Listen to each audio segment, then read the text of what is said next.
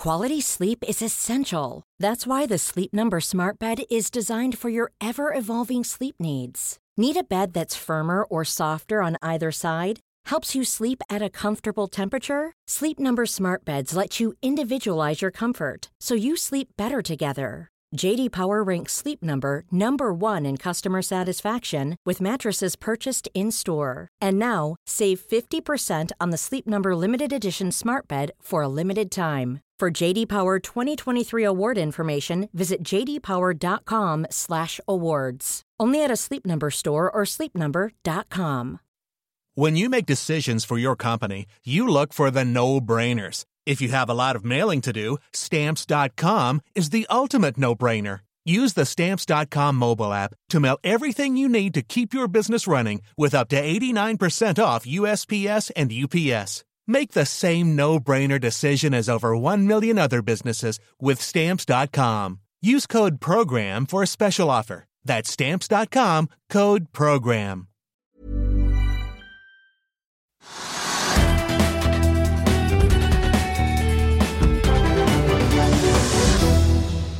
En riktig god fredag den 13. mai, som vi jo håper har gått smertefritt for seg for dere alle sammen foreløpig. Bank i bordet, og velkommen til Økonominyhetene her i Finansavisen.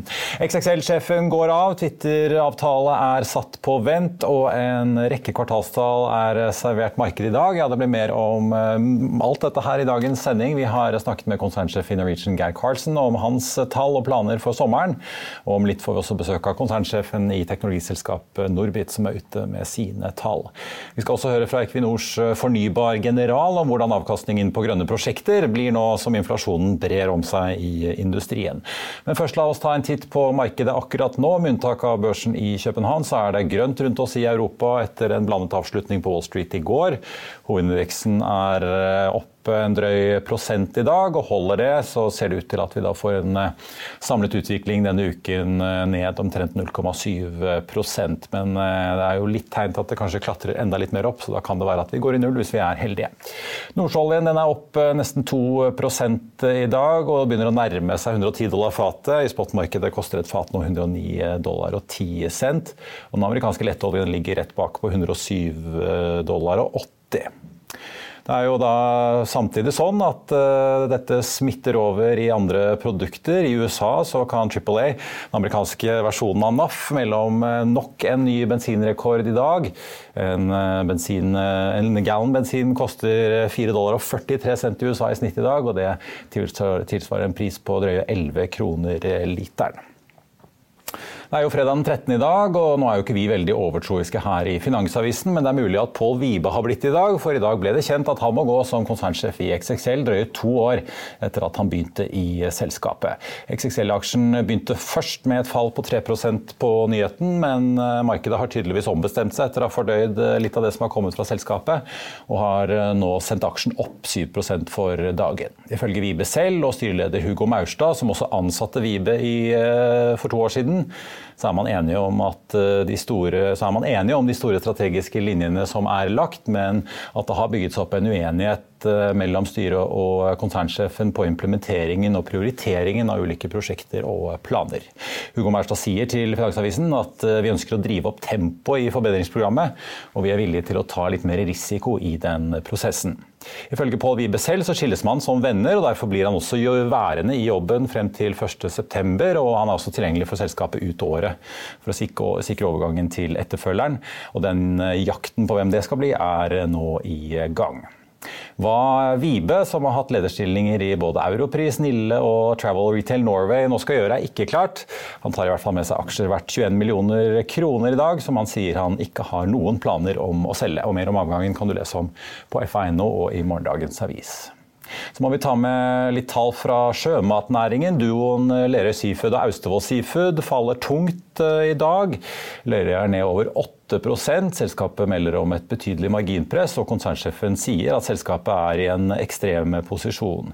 Austevoll er største aksjonær i Lerøy og blir med på kursfallet. De faller 9,1% Grieg Seafood er ned rundt 4 etter deres eh, kanonresultat for første kvartal. Eh, Movi har jo også snakket om de økende kostnadene i bransjen eh, denne uken, på linje med både Grieg og Lerøy. Altså. Seafood-indeksen på Oslo Børs er ned 2,9 i dag, samlet sett. Quantafuel er ned 5,5 etter deres kvartalsrapport. Inntektene øker kraftig fra snaue 2 millioner til litt over 10 millioner kroner sammenlignet med første kvartal i fjor. Men økte kostnader gjør at driftsresultatet, altså underskuddet på driften, dobler seg til minus 66,1 millioner. Selskapet kommer også med en ny guiding etter problemene med et eh, forbrenningskammer eh, på anlegget i Skive i Danmark og den påfølgende produksjonsstansen. Så hadde jo da Quantafuel et utgangspunkt om at de skulle ha en kapasitet på 16 eh, 000 tonn. Nå nedjusterer de produksjonsmålet for anlegget i 2022 ytterligere, fra 12 000 tonn til mellom 6000 og 8000. Og selskapet skriver i en børsmelding at vi må fortsette å gjøre tester ved anlegget som gir verdifull data for de neste anleggene vi skal bygge. Så tar vi også med Nell, som kom med tall denne uken. Hydrogenselskapet hadde jo en eh, vanvittig kursoppgang på onsdag og raste ned igjen på torsdag. I dag er aksjen kraftig opp igjen, rundt 11 eh, før vi går videre i sendingen, husk at du også kan se sendingene våre ved å gå inn på fano-tv, og at vi også har andre podkaster enn bare Økonominyhetene, som Morgenkaffen, Gründerpodkasten Veien hit, Ukens vintips, Kunstpraten og bilpodkasten Mil etter mil. De finner du ved å søke Finansavisen, der du hører på podkast. Norwegian-aksjen eh, har eh, svingt opp og ned, og ligger nå ned 1,8 etter at de slapp sine resultater for første kvartal. Der inntektene falt fra 2,6 til 1,9 milliarder sammenlignet med fjerde kvartal. Og Omikron-utbruddet bidro til at eh, bunnlinjen viste 1 milliard kroner i underskudd. Men det kunne vært mye verre, skal vi tro konsernsjef Geir Karlsen. Norwegian eh, klarte å begrense cashburnen sin til 160 millioner i kvartalet og sitter igjen med 7,5 milliarder på bok. Bl.a. fordi kortselskapene som selskapet bruker for å selge billetter og formidle de til passasjerene, nå begynner å slippe litt mer opp det jerngrepet de har hatt på Norwegian og andre flyselskaper, og utbetale penger for billettene før selve flyet flygningen skjer. Tidligere i fjerde kvartal så hadde man jo en såkalt tilbakeholdsgrad på 109 av eh, billettsalget. I første kvartal er man nede på 73% og Dette bidrar jo da til kontantstrømmen og likviditeten i selskapet. Og selv om kapasiteten og trafikken nå skyter i været i bransjen, og andelen jobbreisen er i vekst hos Norwegian, så advarer også selskapet i guidingen sin om at de høye drivstoffprisene vil spise av Norwegians ventede resultatforbedring i tiden fremover. Kollega William Bugge dro ned for å spørre konsernsjefen om det. Om Norwegian har nok piloter for å trappe opp eh, til alle flyene de skal fly i sommer, og om en erstatning fra Boeing kanskje kan komme snart. Konsernsjef Geir Karlsen i Norwegian. Nå har dere endt eh, første kvartal, endt med et eh, underskudd på om lag 1 milliard kroner. Kan du fortelle litt generelt om eh, hva det var som skjedde i kvartalet? Altså, jo, så Det er omikron-situasjonen som på en måte kicka inn da eh, seint i fjor, altså i desember. Eh, og, da, og, da, så vi jo at etterspørselen kom til å komme ganske drastisk ned gjennom eh, spesielt januar og februar og delvis i, i, i, mars. Så Det vi gjorde da veldig sent i, i, 2021 var å ta ned kapasiteten på første kvartal med 26% i forhold til det vi hadde tenkt å fly. Eh, og Så vil du jo få en effekt da på lønnsomheten eller tapet.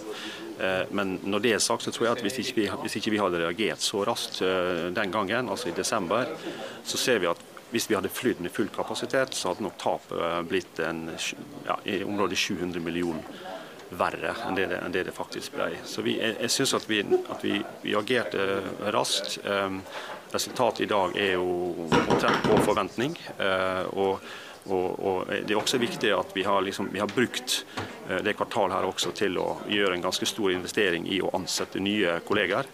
Vi har faktisk tatt inn uh, over 800 personer gjennom dette kvartalet, som vi nå har tatt inn, trent opp. og på en måte, Alle disse skal da være klar for for, for eh, liksom sommersesongen. Det er viktig.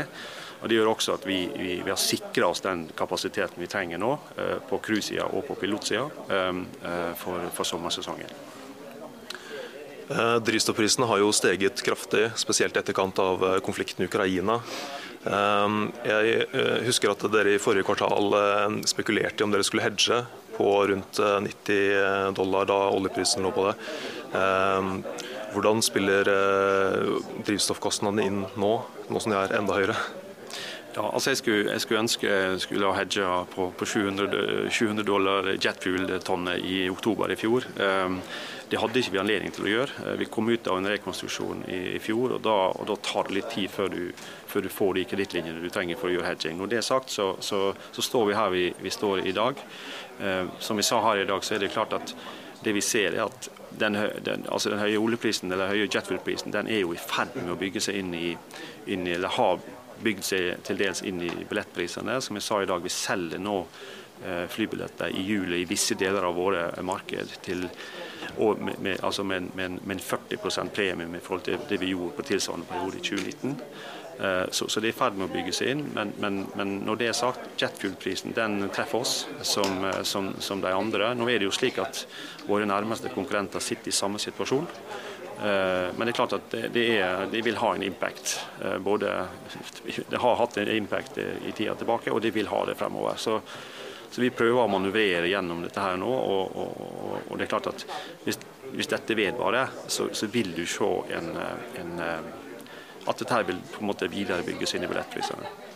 Dessverre.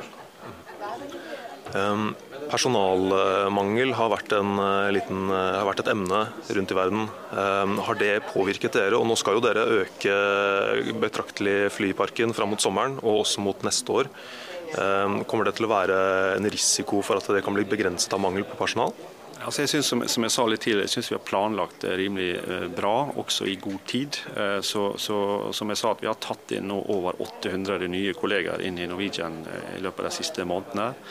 Eh, og eh, jeg tror også at vi, vi, tjener veldig nå på at vi har en veldig høy regularitet. Dvs. Si at vi flyr eh, over 99,4 eller 99,6 av, av de flyvningene vi setter opp. Og, og, og, Vi er ganske komfortable nå for, for, den sommeren som vi har foran oss. Egentlig alle, på alle basene vi har i de forskjellige landene i, i Norden.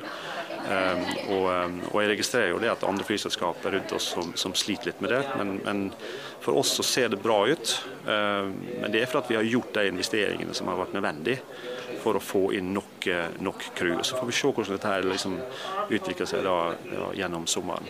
Neste år så, så, så, er vi allerede i gang med å planlegge, planlegge det. Um, nå er det 15 fly, det er, ikke, det er ikke en massiv økning vi snakker om. men, men er ikke, er ikke veldig bekymra for det, egentlig.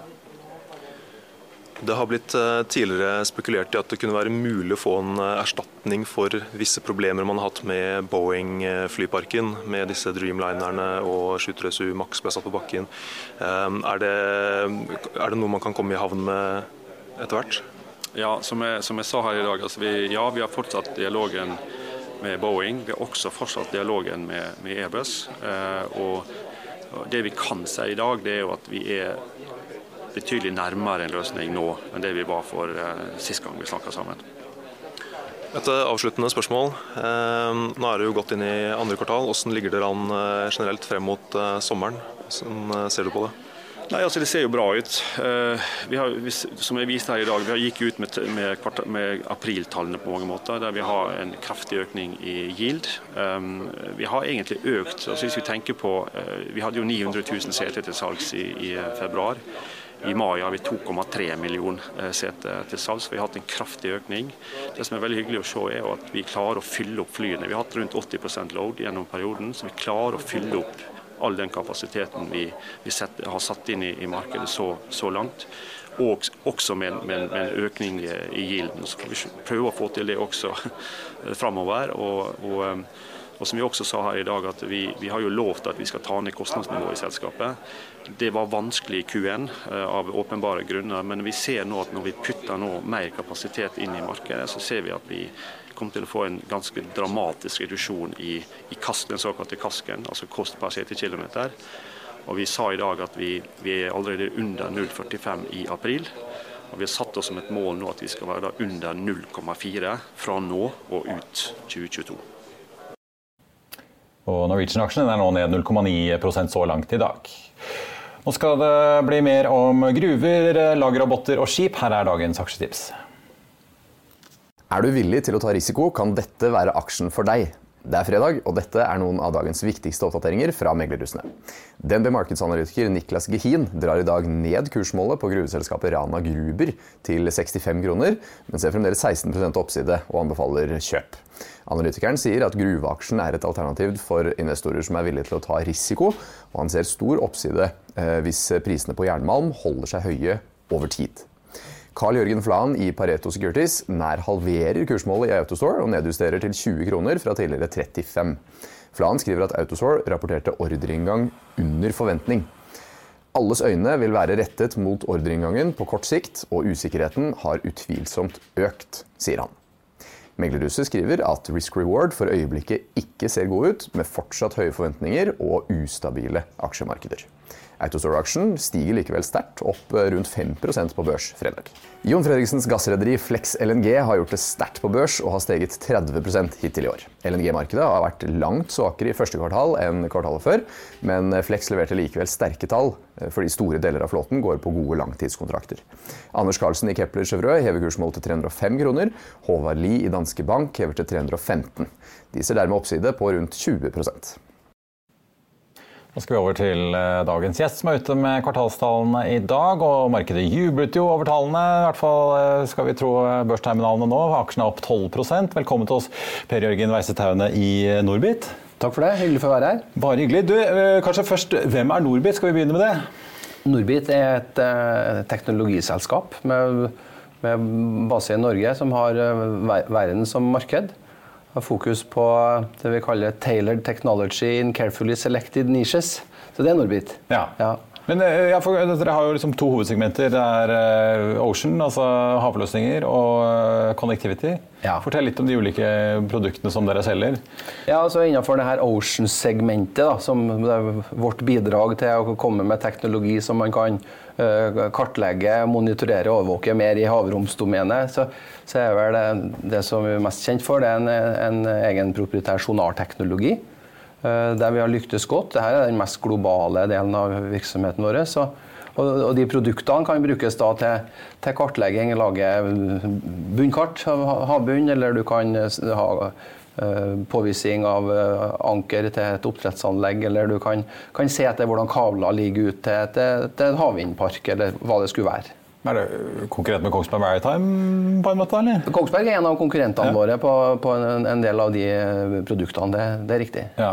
Og så driver dere også med, Det er jo nesten man kan, tanken går til Q-Free, for dere driver jo også med altså løsninger for eh, hva skal vi si, bominnkreving? Ja, altså Norbit har jo òg um, leveranser av sånne autopassbrikker. Og det har jo Q-Free òg drevet med. så vi, av den norske brikkeflåten så har vel Norbit levert en mellom 70 og 80 eh, Og så har vi valgt å anvende den teknologien litt i andre anvendelsesområder. Kanskje den som har vært mest Eh, omtalt, er det her så at vi har muliggjort at man kan lese kjøre- hviletidsdata fra takograf uten å måtte stoppe en lastebil for å gjøre det. Så det som er en helt annen anvendelse, men mye samme teknologi. Da. Ja. ja, altså jeg holdt på å si proffmarked og ikke til oss uh, forbrukere. Ja, vi, vi, har vært veldig opptatt av det at vi skal, skal flytte hele den businessen mer til, altså over til business to business. Vi, ikke privat, men, men også så har vi jobba for å bort fra anbud. Anbudsmarkeder. Er litt, det er litt vanskelig å gjøre så mye innovasjon i det. Så har du business to business, så kan du innovere på en måte som, som er bra for kunden din, og at han kan være villig til å betale litt mer. Så, hvis vi, vil ha, vi, vil ha, bedre margin, derfor så, så, prøver vi på det. Du, eh, fortell litt om, eh, Dere har jo ganske omfattende vekstplaner. Dere sikter jo mot en omsetning på over milliarden i år. Mm -hmm. Skal opp til halvannen milliard i 2024, så det er mhm. ikke mer enn tiden og veien. Dere har jo gjort dette oppkjøpet av i-data innenfor da konnektivitetsdelen her i fjor. Mm. Men si litt på en måte hvor viktig er det å, å kjøpe seg selskaper som skal sikre dere nok omsetning? Så vi har vel veldig god tro på at vi skal kan greie å vokse godt organisk òg. Eh, men altså, i tillegg til de ambisjonene vi har på organisk vekst, så ønsker vi å kunne vokse med inorganisk vekst. Men vi er, vi er veldig sånn opptatt av at eh, det vi kjøper, det skal passe. Eh, og, og skal, altså det, det ene er at det selvfølgelig skal være et innvandrende oppkjøp, sånn at vi som aksjonærer også skal kunne synes det er gledelig på transaksjon. Men så er det her med synergi. du må se, og Da ser vi etter positive synergier, skal inntektssynergier. Eh, Og, og enten da så er det på at det er markedssynergi at markedsapparatet vårt kan være med å løfte et selskap som, som har en god teknologi. Eller så må det være selskaper som har et godt markedsapparat, og at ingeniørkorpset vårt da, kanskje kan bli med å gjøre produktene og teknologien bedre. Så vi sier noen gang at modne selskaper, så kan Norbit være Hellstrøm ordner opp på, på teknologien. Da. Men Er det noen spesielle deler av uh, virksomheten dere er spesielt på jakt, eller handler det mer om at hvis dere kommer over noe som passer, så går dere for det? Ja, som det oppkjøpet vi gjorde i august august i fjor da, på iData, så var det et resultat av en, en, en, strukturert prosess der vi var aktivt på leting etter et selskap som hadde en eh, relevant base med abonnementsbasert forretningsmodell, der, der man eh, laster, man, man, man, laster alt av interessant data som er et kjøretøy, opp i sky. Og en kunde da, som kan få en skreddersydd rapport, han kan, kan følge med kjøretøyene i, i, flåten sin. Uh, og, og, Det er en, egentlig et element i å jumpstarte at vi innenfor connectivity uh, ønsker å bygge enda mer uh, abonnementsbasert forretning fremover. da. Eh, hvor mye av den halvmilliarden i omsetning eh, regner du med at dere må ta på oppkjøp, og hvor mye klarer dere på egen kjøl, tror du? Ja, altså Målsettingen vi har gått ut med, er at det der skal vi gjøre organisk. Så kommer oppkjøp på, på, på toppen, av det. Ja. Så, så, det blir jo hele. ja, da tar du hele kaka. Ja. Men eh, fortell litt om, om, finansieringen deres fremover. Altså, dere har jo ikke sånn spesielt mye gjeld. Er det liksom, bruker dere da gjeld for å kjøpe, gjøre oppkjøp eventuelt, eller er det aksjer som er aktuelt å bruke ja, altså, som oppgjørsmiddel? Vi vil jo kunne ha en fleksibilitet. Vi har, vi har god finansieringsevne på gjeld. Når, når, vi nå er på det vekstsporet som vi, vi skal være, så, så, øker jo finansieringsevnen på gjeld òg. Men, men, eh, et av eh, formålene med å være børsnotert, det er å også ha mulighet for å kunne trykke aksjer eh, som en del av et oppgjørsmiddel. Og det brukte vi på det oppkjøpet med iData. Og, og, det har jo en effekt med at du Som i tilfellet der, så er det en kjøper en, eh, vi, vi kjøper en, en, selger, en selger som er managementet som har bygd selskapet. Og det å få dem lasta opp med, godt med Norbit-aksjer som, som, gjør at de, har, de er i samme båt som oss når vi bygger videre, det, det er viktig. da. Jeg må høre litt, I og med at dere tross alt driver innen uh, teknologi og elektronikk, uh, får vi jo si. Uh, merker dere chipmangelen som si, alt fra Porsche og General Motors merker ordentlig om dagen, til mindre aktører? Ja, altså Elektronikkomponentmarkedet har jo vært vanskelig ganske lenge. og, altså, vi har jo valgt en strategi som egentlig har tre biter i seg for å håndtere det her. da. Det ene er jo det at eh, vi har bygd sikkerhetslager. Eh, altså, du, du, kan ikke stole på leverandørene sine bekrefta leveringsdatoer lenger. Det eneste du kan stole på, det er varene du har i hus. De har du i hus. Så, så da, har vi, da, har vi, investert og bygd opp, eh, bygd opp varelager, så vi har lengre horisont. Så I tillegg så tror jeg vi har, vi har, noen elementer som er en fordel mot en del sammenlignbare selskap. og Det ene er at vi har veldig mye utviklingsingeniører i eget hus som gjør at hvis du ser at det er noen komponenter som blir umulig å få tak i, så kan vi sette ingeniørene i arbeid til å gjøre endringer, tilpasninger i konstruksjon. Gjøre en spesialløsning akkurat for den kunden? Ja, og så ja. bruke en annen komponent uh, i stedet. Uh, og tredje elementet der er jo det at vi, vi, uh, vi har satsa på egen produksjon. så Vi har inhouse-produksjon som gir en fleksibilitet da, i forhold til planlegging og omstokking i, i hva du lager når. da. Ja. Hva med kost? Altså, mange merker jo at ting begynner å bli dyrere. Mm. Eh, har dere evne til å da skru opp eh, prisen også ut til kundene, eller sitter dere låst i, i fastpriskontrakter? Ja, også, nå er det vel kanskje i de fastpriskontraktene at vi har uh, lyktes best med å få bedre pris. For altså, det å, det, det, selv, selv, i fastpriskontrakter så, så, går det jo an å gå i dialog med, med, med kundene og forklare situasjonen. og og, og, og bryte håndbak og drive business. Så, så, så, vi har i, i, bra grad lyktes med å ta igjen merkost. Um, men internt så er vi enige om det at vi skal aldri tenke at vi har vært veldig flinke, for vi tror hele tida at det kan altså, Du må være på alerten også for det som er fremover. Så, ja. så der er viktig, altså. Ja, for jeg, grunnen til at jeg spør er at Du har jo et mål om å også få driftsmarginen din på EBITDA-nivå opp på 25% Dere ligger nå på 19 Ja. Hva er det som skal få dere de siste 6 prosentpoengene opp? Nei, altså hvis, du, hvis du kikker på det kvartalet vi leverte nå, da, med 19 så er jo det et kvartal som sesongmessig er lavsesong for det Oceans-segmentet, som er det segmentet som er høyest margin. Mm. Som gjør at uh, allerede Snittet blir senket? ja, blir litt senka, Ja. blir litt senka av at det, det, an, altså det relative andelen av totalomsetninga fra Oceans er litt lavere i Q1 enn den vil være i de andre kvartalene. Eh, Så, så, så vi er veldig komfortable med den målsettinga om 25% i det 24-perspektivet. da. Så, Ja. så det, det motiverer oss. Det skal vi levere. Ja, Men det er ikke sånn at det er økende råvarekost eller eh, Nei, altså- drikkeprodusenter som skal jekke opp prisene sine, kan ødelegge altså, for dere der? det, det, det er jo også litt sånn at hvis du, hvis du tenker så I min tid i bransjen da, så har det vel kanskje aldri vært større aksept blant kundene for at nå øker kostnadene. Og at du da har det lettere for å få økt pris enn du har hatt før òg, da. Til slutt må jeg høre med deg. Dere jo, eller Basen deres er jo i teknologibyen eh, Trondheim. Dere har en 400 ansatte, hvor jeg skjønner omtrent halvparten er i Norge. Eh, hvordan er det på rekrutteringsfronten nå, da? Vi hører jo alt fra flyselskaper til industrikonsern som sliter med å få tak i nok folk om dagen.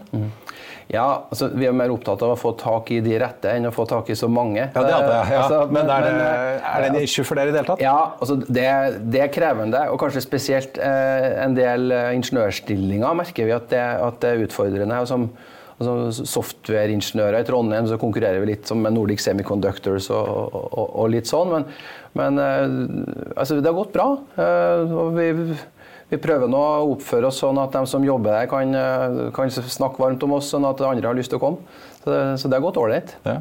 Vi får si eh, lykke til med både rekruttering og inntektsvekst videre. Da. Takk for det. Takk skal du ha. Og Quality sleep is essential. That's why the Sleep Number Smart Bed is designed for your ever evolving sleep needs. Need a bed that's firmer or softer on either side?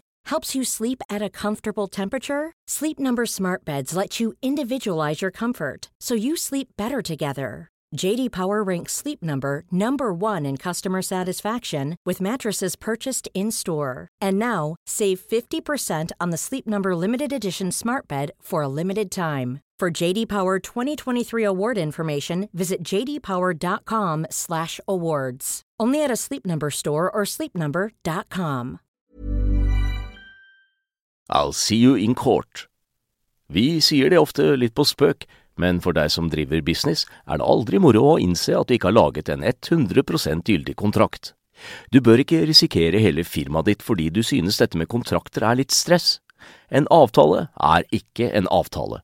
Du kan miste kunder, miste venner, ja, til og med miste inntekter om du ikke lager en skikkelig kontrakt, på alt mulig, egentlig. Men vi vet det er et styr. Kopimaskiner, tregprinter og haugevis av papir.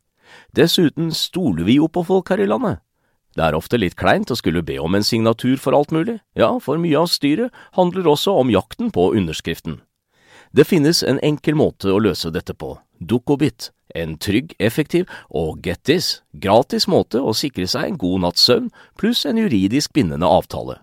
Dukkobit-appen har de strengeste sikkerhetskrav i bunn, samt en EU-godkjent og sertifisert teknologi. Framover vil det bli behagelig å spørre du, skal vi skrive under på det, eller? Kom i gang på dukkobit.no. God helg. Da skal vi eh, videre til eh, Equinor. Vi var jo på NHOs årskonferanse i går, og vi fikk tak i Equinors fornybarsjef Pål Eitreim. For eh, hvor mye fart blir det i havvind og andre grønne prosjekter nå med stigende inflasjon og press på marginene? Og hvor mye øker egentlig Europas appetitt på grønn kraft etter Ukraina-krigen? Vi traff på Eitreim i Oslo Spektrum i går. En konserndirektør som i årene fremover skal investere mange titalls milliarder i enorme grønne prosjekter. Pål Eitreim, konserndirektør for fornybar energi i Equinor. Du er her på årskonferansen, og mange har jo fulgt med interesse hvordan det går i denne bransjen din. Det er jo inflasjon, økende kostnader på veldig mange fronter nå. Det er et press i arbeidsmarkedet. Dere har sagt til investorene deres at dere skal, og i hvert fall tror, at dere skal levere en realavkastning på 4-8% på fornybarporteføljen. Klarer du å nå det målet? Ja, nå er det, det, er en klar ambisjon, eh, og vi mener at den porteføljen som vi har både på eh, landportefølje og det vi har i havet, vil vi kunne klare å levere innenfor de 4-8. Og Så treffer inflasjonen oss litt ulikt. Det er klart at Kostnader og anskaffelsessida og forsyningskjeder, som vi har hatt mye om på NHO-konferansen i dag, det er en generell utfordring som treffer alle. Eh, den eh, kan potensielt òg treffe oss på inntektssida, i form av at vi har eh, noen kontrakter i porteføljen som er inflasjonsjusterte. F.eks. kontraktene i Polen og kontraktene i Storbritannia, bl.a. Doggerbank. Mens vi har nominelle kontrakter i, i, USA. Så bildet er litt variert. Men det er klart at vi følger jo situasjonen tett i de markedene, og vi ser jo at det er utfordringer i, i markedet akkurat nå. Men vi har ikke noen, noen tanke om å endre på ambisjonsnivået for realavkastning avkastning. Det har vi ikke. Nei, for dere har I tillegg til å ha en viss avkastning, så har dere også et mål om eh, å da installere 12-16 gigawatt innen 2030. og Over halvparten av Equinors investeringer skal jo gå via deg innen 2030. Men er det sånn at dere er nødt til å skyve på en del ting, eller takke nei rett og slett for å også holde på denne avkastningen? Det er en eh, balansegang i forholdet mellom volum og verdi, men vi har sagt fra dag én at vi skal være verdidrevet. Eh, og 12-16 gigawatt i 2030, som for øvrig er nesten halvparten av den installerte kapasiteten i Norge, det er ikke et mål, det er en ambisjon. Og Det betyr jo at eh, hvis vi må redusere på ambisjonen og levere under det intervallet for å levere lønnsomme prosjekter, så vil det være vår prioritering. Så har vi en eh, stor fordel etter mine vurderinger nå, og det er at vi har eh, fått tilgang til to tredjedeler av de volumene som vi trenger for å levere på de 12-16. Så det betyr jo at vi, vi er ikke desperate i den forstand at vi må vinne hver auksjon vi deltar i. Jeg tror det er ekstremt viktig å vinne på vilkår som gjør at vi kan eh, levere lønnsom forretning på lang sikt. Og jeg tror den tabben som en risikerer å, å gjøre nå, det er at en går for aggressivt til verks. Så en har én god dag, og så sliter en veldig med å gjenoppbygge det business-caset etterpå. Nå ser vi jo, Det er jo mange auksjonsrunder på gang eh, innen vind. Dere driver også innen sol. og er jo, Dere er på en måte aktive på mange felt. Men likevel, altså, når du da sier at dere har sikret såpass mye av, eh, av det, det ambisjonsmålet på kapasitet, Vet du hvor resten av denne veksten skal eh, komme fra, eller er det noe som må bli litt til mens eh, man går på denne veien? Nei, det må bli litt til mens vi går. Så vi har jo ikke, har jo ikke full eh, transparens i forhold til alle de mulighetene som skal bidra. Men vi, vi, jobber med mange opsjoner, og det tror jeg er viktig. At vi har mulighet til å kunne velge og prioritere muligheter. Vi ser nå at ambisjonsnivået innenfor fornybar øker. Eh, I lys av det som har skjedd i Europa de siste månedene, så ser vi at målene blir oppjustert. Viljen til å gjøre det som kreves eh, er der. Så jeg tror jo at Kako vil vokse ganske enormt i årene framover. Men at det er rett og slett at det kommer til å bli utlyst mer areal f.eks. Til, til eh, vindkraft? Ja, det ser vi allerede. Altså, vi ser den norske ambisjonen som kom i, i går, men vi ser òg et land som Tyskland og Nederland og Storbritannia. Alle har gått ut med nye ambisjoner og nye planer om utlysning av nytt areal. Så jeg tror jo relativt sett at Europa kommer til å bli veldig mye viktigere i årene som kommer. Og Det er jo en litt sånn historisk, eh, historisk interessant observasjon her. da. Og det var at Nordsjøen ble jo helt avgjørende på 70-tallet. I forlengelsen av oljekrisen så var det Nordsjøen som ble alternativ forsyning. Eh, og i dag, i lys av det som skjer i Europa og situasjonen i Europa, så vil jo Nordsjøen igjen bli en fantastisk mulighet i forhold til å utvikle fornybare ressurser. Og der er jo norsk sokkel helt unikt eh, posisjonert med den eh, ressursbasen vi har på olje og gass, med lave utslipp og, og lave nullpunktspriser, men samtidig et enormt vindpotensial. Si litt om eh, hvordan dere vurderer disse nye ambisjonene til regjeringen. 30 gigawatt eh, er da målet å ha utlyst innen eh, 2040. Det pågår diskusjoner om hybridkabler, altså kabler for å få solgt strømmen eh, til kontinentet der prisene er høyere. Eh, er det som har kommet eh, nok til å få en storskalasatsing på norsk sokkel, eller er det noen sentrale elementer dere venter en avklaring på her? Nei, Det som eh, kom denne uka, det var veldig bra. Eh, og Vi og industrien har jo etterlyst en tydelig, langsiktig ambisjon som gir næringslivet synlighet og, og mulighet til å planlegge framover. Så det som kom i går, var, var, veldig bra. Så det er klart at dette må konkretiseres. Det er masse arbeid som må gjøres. Det må tidfestes og det må planlegges. Men, men bare det å ha fått eh, katten ut av sekken på et ambisjonsnivå, det var bra. Og så har jeg et håp om at vi nå i behandlingen videre at vi klarer å gjøre det som Norge har vært utrolig flinke på historisk, og det har vært å lage breie, bærekraftige forlik som lever over tid. Det var helt avgjørende for olje- og gassvirksomheten på 70-tallet, og det blir like viktig å ha den forutsigbarheten politisk nå, eh, på tvers av regjeringer og over tid, som for fornybar, som det det var for olje og gass på 70-tallet. Da tenker du på skatter og avgifter, eh, hvordan lisenser utlyses, eh, hele rammeverket rundt? Ja, men jeg tenker òg at rammeverk og, og politikk lever utover partiskillelinjer, og at det har bærekraft utover enkeltregjeringer. Alle de store beslutningene i norsk energihistorie har vært tatt med i form av brede forlik. Om det var delprivatiseringen av Statoil i sin tid, eller fusjonen med Hydro, eller etableringen av Statoil. Dette har vært en viktig styrke i det norske systemet. Jeg håper nå at Stortinget klarer å samle seg om en retning som gjør at vi har kontinuitet på, på politisk side. Det blir viktig i forhold til oss som skal investere potensielt mange, mange milliarder i, i Norge. Det er jo fredag, og det betyr at vi skal prate litt bil. Husker du 90-tallet, da store tyske stasjonsvogner var toppen av lykke for veldig mange mennesker? Så kom SUV-ene og overtok tronen, men nå skjer det kanskje noe som kan gjøre at stasjonsvognen får en renessanse. Eller kanskje nærmere bestemt Avanten. Bare se her.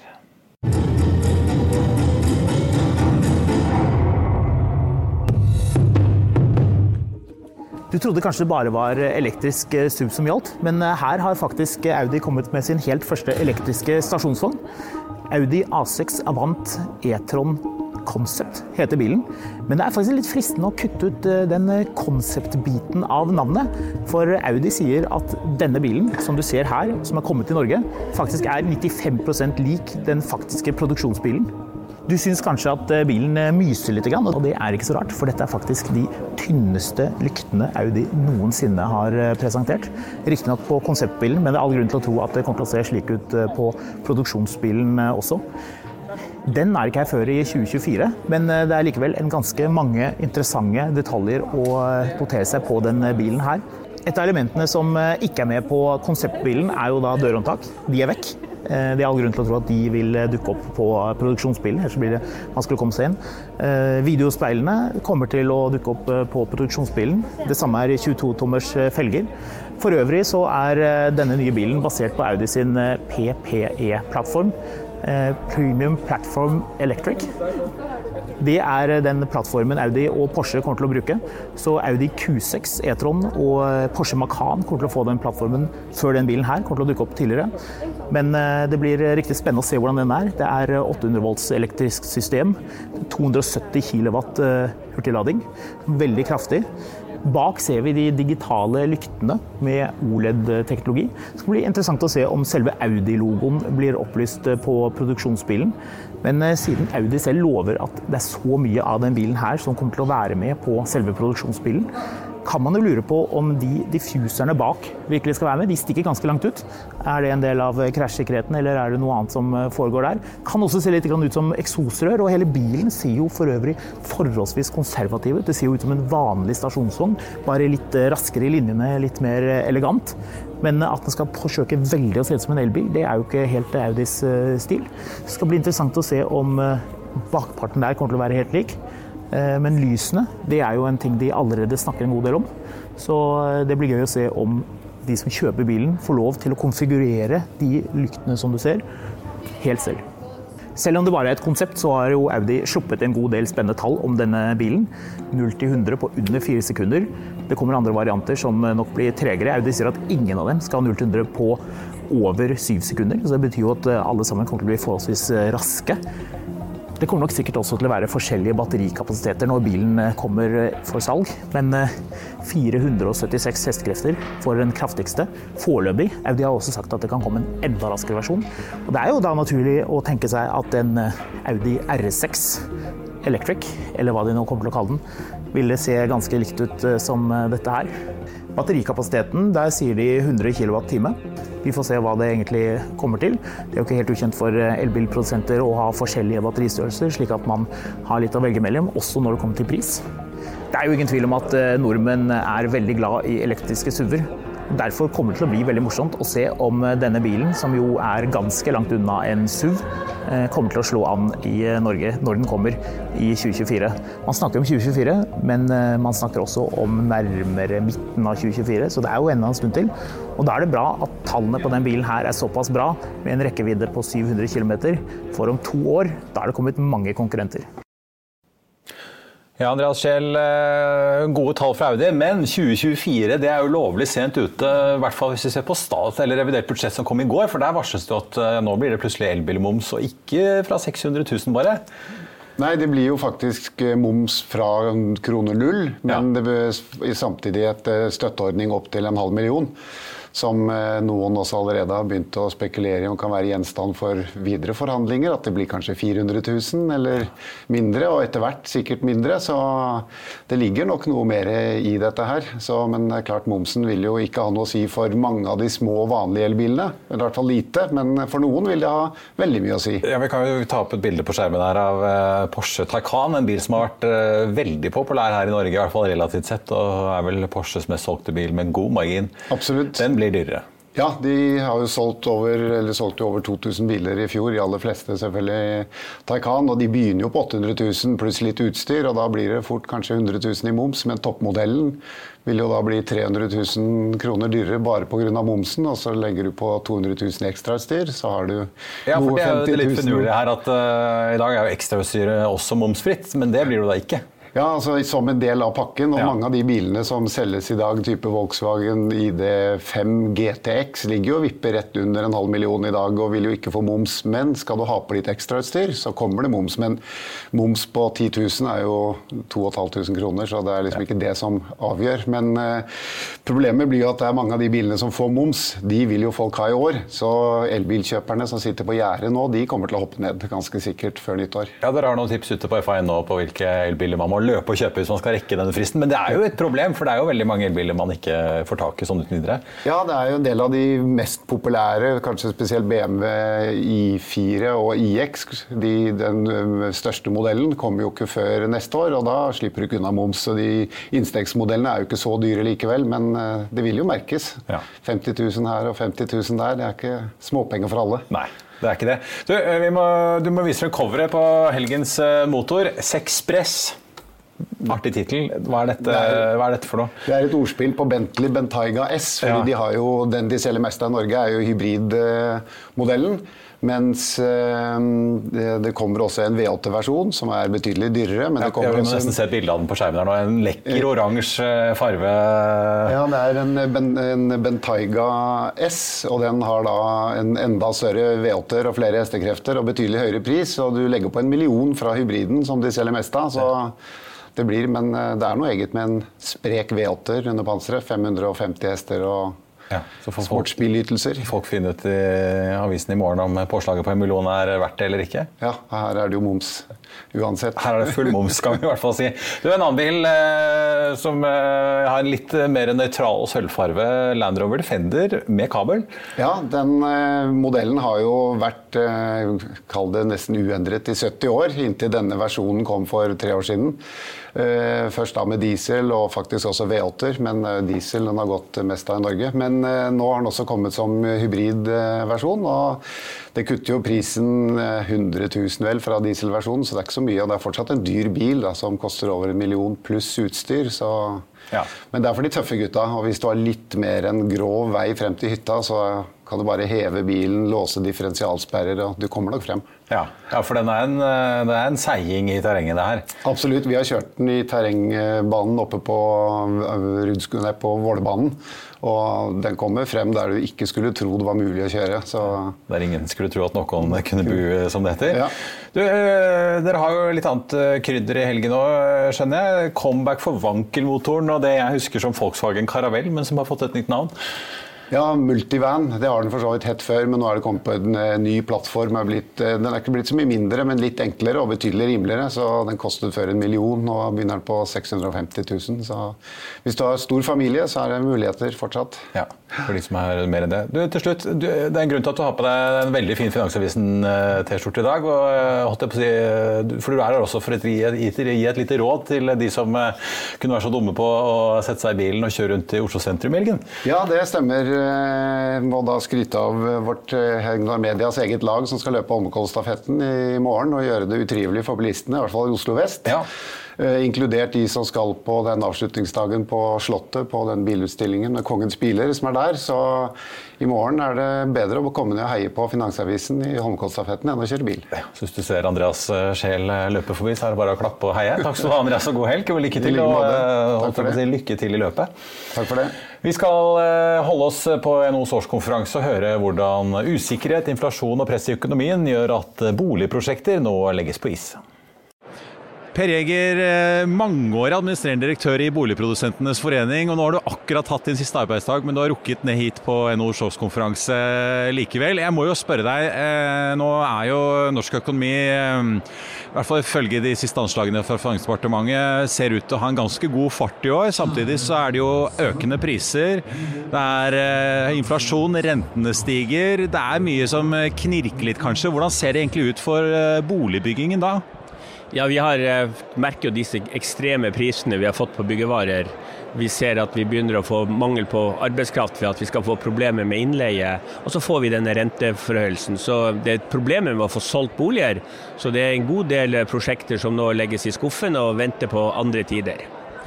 Vi har jo sett noen eksempler på at eh, utbyggere nå setter eh, prosjekter på vent, selv om leilighetene eller boligene kanskje er eh, solgt. Er det en reell trend, eller er det foreløpig noen anekdotiske bevis ut ifra hva dere hører fra medlemmene? Nei, Vi har jo hørt mange som har lagt prosjektet prosjekter på is nå, fordi at man klarer ikke å få en fastpris som er mulig å selge videre for. og Da må man bare vente til man får en pris som får dette til å stemme mellom det som det koster å bygge, og det markedet er villig til å betale for. Så jeg tror vi kommer til å få en relativt kraftig nedgang i både igangsetting og salg av nye boliger. Men er det noe som egentlig kan løse opp i dette? Du snakker om at uh, igangsettingen ligger sånn rundt 40% under fjoråret så langt uh, i år. Eller er det bare en realitet når uh, usikkerheten er så stor som nå? Nei, Vi hadde vel 40% på mars måned. Men ja, altså jeg, jeg liker ikke det vi ser. Det kan godt være at jeg begynner å bli en gammel pessimist, men vi får jo leve med at i boligmarkedet så går det jo opp og ned. Men eh, nå skal man jo stramme inn økonomien, og det kan hende at det er fornuftig. Men eh, alltid blir det boligsida som tar støyten. Og vi tar en to til fire år igjen før man da begynner å komme på tur oppover. Er det noen eh, stor fare for konkurser i bransjen, nå, enten på utbygger- eller entreprenørsiden? Ja, Vi får jo håpe at det ikke skjer. Vi, vi får håpe at de har stilt sine garantier, og at eh, huskjøperne ikke da er de som går over eh, renne. Så det blir jo viktig at eh, huskjøperne nå sjekker at hvis du betaler et forskudd, at det stilles eh, selvskyldende garanti for hele beløpet hvis du kjøper en leilighet. Men eh, ja, Det er alltid fare for konkurs, men det har vi jo hatt gjennom mange år. Men jeg får jo håpe at eh, de stopper tidlig nok, og det er vel derfor vi ser også en del kansellering av kontrakter nå. Hva kan eh, løse opp i dette? Hva er liksom den nyheten bransjen eventuelt går og venter på? Nei, jeg tror at disse som nå driver og bygger eller lager disse byggevarene, må lære seg at vi kan ikke ta så høye priser som de nå har lagt opp til. Markedet er ikke villig til å betale så mye, eller er i stand til å betale så mye. Og da får du uh, uheldige konsekvenser. Og det at når folk ikke kjøper boliger, ja så bygger vi ikke boliger. Og da blir det heller ikke kjøpt noen varer framover. Så her er det mange som egentlig sitter i samme båt, og det tror jeg det er en god del av de som nå sitter rundt i bedriftsledelsen hos byggevaresida har glemt. Og så nevnte jeg jo ved starten av sendingen at eh, det er noen nyheter med denne Twitter-dealen til Elon Musk. Han skriver på nettopp Twitter i dag at oppkjøpet hans av eh, det sosiale mediet er satt på vent i påvente av, i påvente av mer detaljer rundt påstanden om at at falske kontoer ikke utgjør mer enn 5% av brukermassen. Han legger til i en ny Twitter-melding at han fortsatt er forpliktet til å gjennomføre denne transaksjonen. Meldingen har likevel sendt store sjokkbølger inn i finansmarkedet allerede, for i førhandelen på Wall Street så er Twitter-aksjen nå ned over 11% så får vi se hvordan den åpner da når de amerikanske børsene åpner for handel 15.30 norsk tid. Så får vi også ta med at har du ønsker om aksjer vi skal analysere, så kan du sende en e-post til tvtips at finansavisen.no. På Oslo Børs uh, nå så er hovedindeksen opp 1,8% og dermed ser det ut til at vi kanskje lander en positiv uke likevel, og til tross for at det altså er fredag den 13. Norwegian som slapp uh, tall i dag, har hentet seg litt inn nå, ligger så vidt over 0% på 10 kroner og 63 øre. XXL som også har meldt om at konsernsjef Pål Vibe går av 1.9 aksjer er opp nå 5,5% Den aksjen var opp eh, over 7 på det meste. Den startet da i minus 3 i dag, så den har svingt mye, men ser ut til å lande på bena da med en solid eh, oppgang på nyheten. Og så er det jo da Norbit som var her litt tidligere i sendingen, fortsatt opp 11,6 i dag. Og så er det jo da disse sjømataksjene. Lerøy kom med tall i dag, og de straffes ganske hardt for de tallene, ned 8,1 Green Seafood kom også med tall i dag, de er ned 3% Og i tillegg til at resultatene er veldig gode og lakseprisene er veldig høye, så er det jo også da et eh, mantra fra egentlig alle sammen om at kostnadene er på full fart opp. Og du kan bl.a. lese Grieg Seafoods-sjefen eh, utsikter og tanker om utviklingen utover året på kostnadsfronten på FA.no nå. Og på, i råvaremarkedet så er nordsjøoljen nå opp over 2% faktisk, til 109 dollar og 30 cent fatet i spotmarkedet. Den amerikanske lettoljen ligger inne på 108 dollar blank. I Finansavisen i eh, morgen kan du lese Trygves leder, der han gir et klart råd når det kommer til bil. Løp og kjøp elbil. Du kan lese mer om Paul Wibes exit fra XXL, ukens aksje Flex LNG. Det blir også profilintervju med Simen Liung, den mangeårige toppen i Oddfjell Drilling, som nå er i gang med å bygge opp Oddfjells nye teknologisatsing. Og så blir det selvfølgelig masse mer bil, vin og helgestoff. Det var det vi hadde for deg på denne fredagen 13. mai. Tusen takk for at du så på. Mitt navn er eh, Marius Lorentzen. Vi er tilbake her på mandag 16. mai klokken 14.30. I mellomtiden ønsker alle vi her i Finansavisen deg en riktig god god maihelg. Takk for nå.